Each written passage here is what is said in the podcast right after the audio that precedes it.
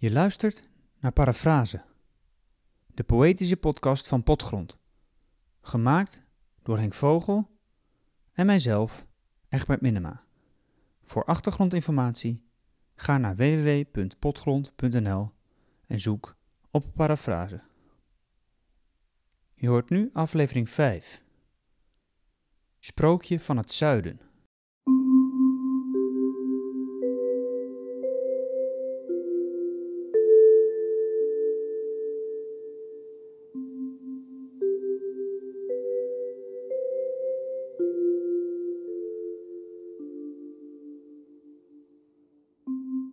Zij luisteren beiden naar een oud verhaal. Wondere dingen komen aangevlogen. Zichtbaar in hun verwijde ogen, als bloemen drijvend in een schaal. Er is een zachte spanning in hun wezen. Ze zijn verloren en verzonken in elkaar. Het witte en het blonde haar. Geloof het maar, geloof het maar, alles wat zij vertelt is waar. En nooit zal je iets mooiers lezen.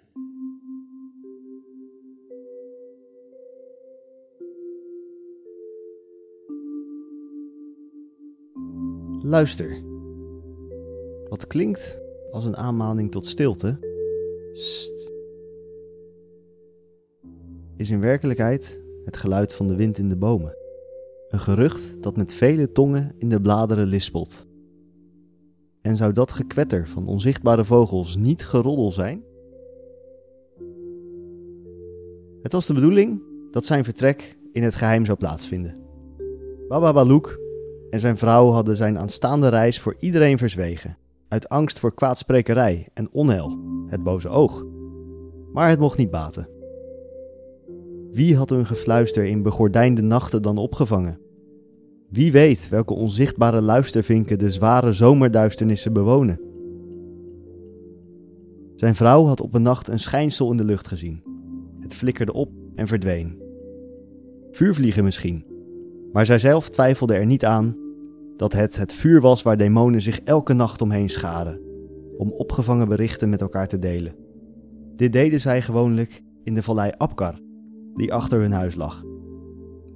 Een huwelijk hier, een reis daar, een bejaarde in het gemak, een maagd in het badhuis, een zwart heddertje in de namiddag.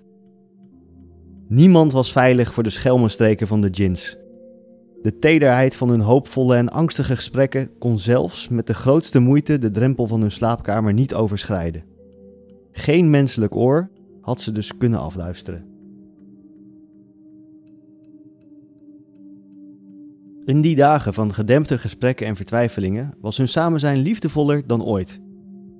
Jaren van ingehouden en huiselijke genegenheid begonnen in korte tijdspannen de ogen van de vrouw met ongegeneerde liefde te kleuren.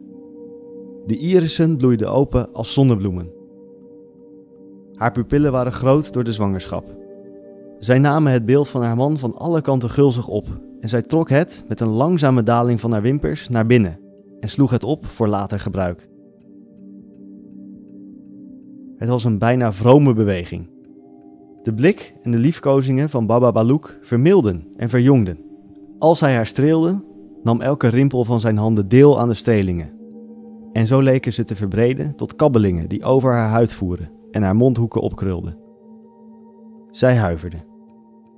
Zijn vingertoppen bewogen lieflijker dan een menigte tegengestelde briesjes in een appelboom, die niet zo kon blozen als zij. Haar huid, een landschap van blank waar haar gezicht het oosten was. Daar kwamen twee zonnen als blossen op. En haar borsten waren het westen. Daar gingen zij als areola's onder. Zij was zo blank dat het leek alsof zij enkel in duisternis leefde. Nimmer het daglicht had gezien, noch het daglicht haar. Het kon ook liggen aan haar frequente bezoeken aan het badhuis. Ze was er dol op en bracht er vele middagen door. Haar voeten waren even rood als de aarde waarop zij liepen. De andere vrouwen, zelf hazel of mahonie, benijden haar alabaster. Haar naam was Mamura.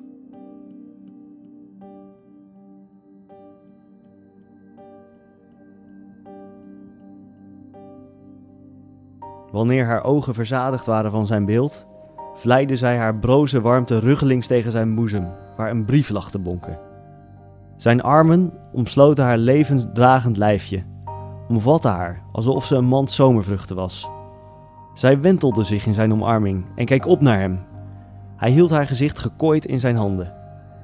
Haar kin rustte waar de hielen van zijn palmen samenkwamen en hij kuste haar mond en voorhoofd. Vervloekt en nogmaals vervloekt wie de oorzaak van deze verstrengelingen had onthuld. En al die tijd leefde de brief tussen hen als een kind of een waardevol huisdier, naast de twee geiten en de ezel. Tien jaar nadat zijn vader, tevens Baba Balouk geheten, was afgereisd, had Baba Balouk, de man van Mamura, besloten hem te volgen. Het was zeven jaar geleden dat de brief van zijn vader hen had bereikt. Het was het jaar waarin de ezel van de buren in een ravijn was gevallen, een jaar van schaarste. De prijs van de aardappel schoot omhoog. Daarna hadden ze niets meer van hem vernomen. Een uil bezocht bijna elke nacht hun huis en liet aan het raam zijn trieste oehoe horen. Dat gehuil werkte vertroostend en zij voelde dat alles goed was met vader. Mamura had een miskraam. Aan haar bloeding leek geen einde te komen. Klonters bloed lagen op het witte laken. De krampen waren ondraaglijk, maar Geira en Heira wisten haar verlichtende medicijnen te geven, die haar ook wonderlijke visioenen en dromen bezorgden.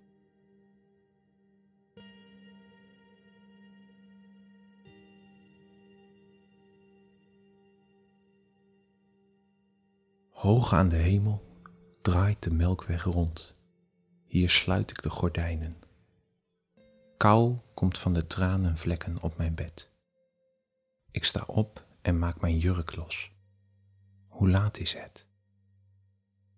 Groenblauw drijvende bloesemblaadjes bijeen. Goudgevlekt ligt de schaarse lotus. Het weer is als dat van vroeger. De kleren zijn als die van vroeger. Maar geen gevoel is als dat van vroeger thuis.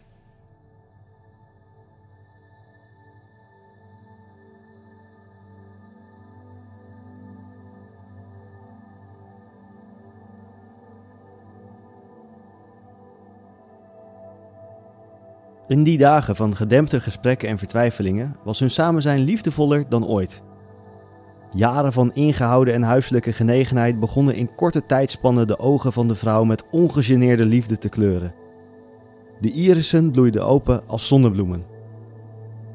Haar pupillen waren groot door de zwangerschap.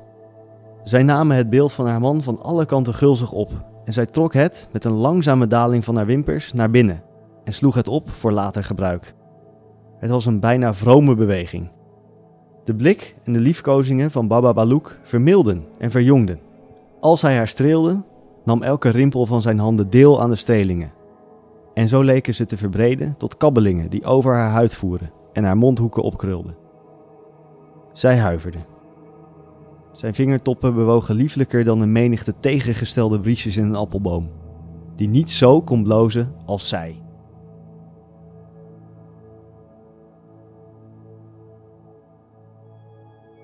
Luister. Wat klinkt als een aanmaning tot stilte, is in werkelijkheid het geluid van de wind in de bomen. Een gerucht dat met vele tongen in de bladeren lispelt.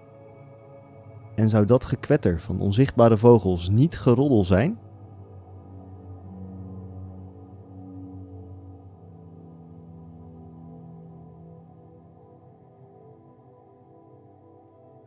Zij luisteren beiden naar een oud verhaal.